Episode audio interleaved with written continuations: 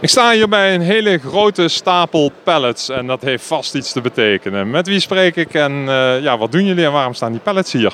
Ik ben eh, Toon Zegers van eh, Zegers Expeditie en wij doen eh, voornamelijk transport eh, naar Italië.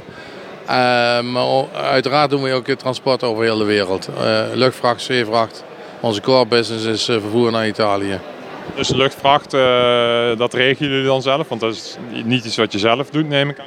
Nee, dat regelen wij van top tot teen. Dus eh, het afhalen, het wegbrengen naar de luchthaven, het versturen, eh, ook zo met containers. Te ontzorgen eigenlijk. Ja. En waar zijn jullie eh, gehuisvest? We zitten in Heien.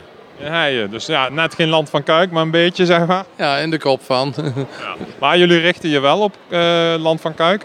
Ja, we, we zijn helemaal nationaal natuurlijk. Dus eh, we, gaan, we hebben klanten over het hele land, ook in het buitenland. En ook een aantal in Italië uiteraard. Dus eh, de plek waar we zitten is, maakt niet zoveel uit voor ons. En hoe groot is het bedrijf? In welke orde praat je? Ik bedoel, welke, we zijn met z'n tweeën, maar we regelen transporten voor, voor eh 20 opleggers. Ja, oké. Dat, dat geeft in ieder geval wel even aan wat, eh, wat het volume is waar jullie kwijt kunnen. Ja, ja, precies. En we hebben opslag, eh, we hebben 1700 meter loods voor op- en overslag. Dus eh, Verder nog iets toe te voegen? weinig eigenlijk. Nou ja, dan denk ik dat we het eh, duidelijk hebben neergezet. Dankjewel en eh, veel succes en plezier nog vanavond. Nou, dankjewel.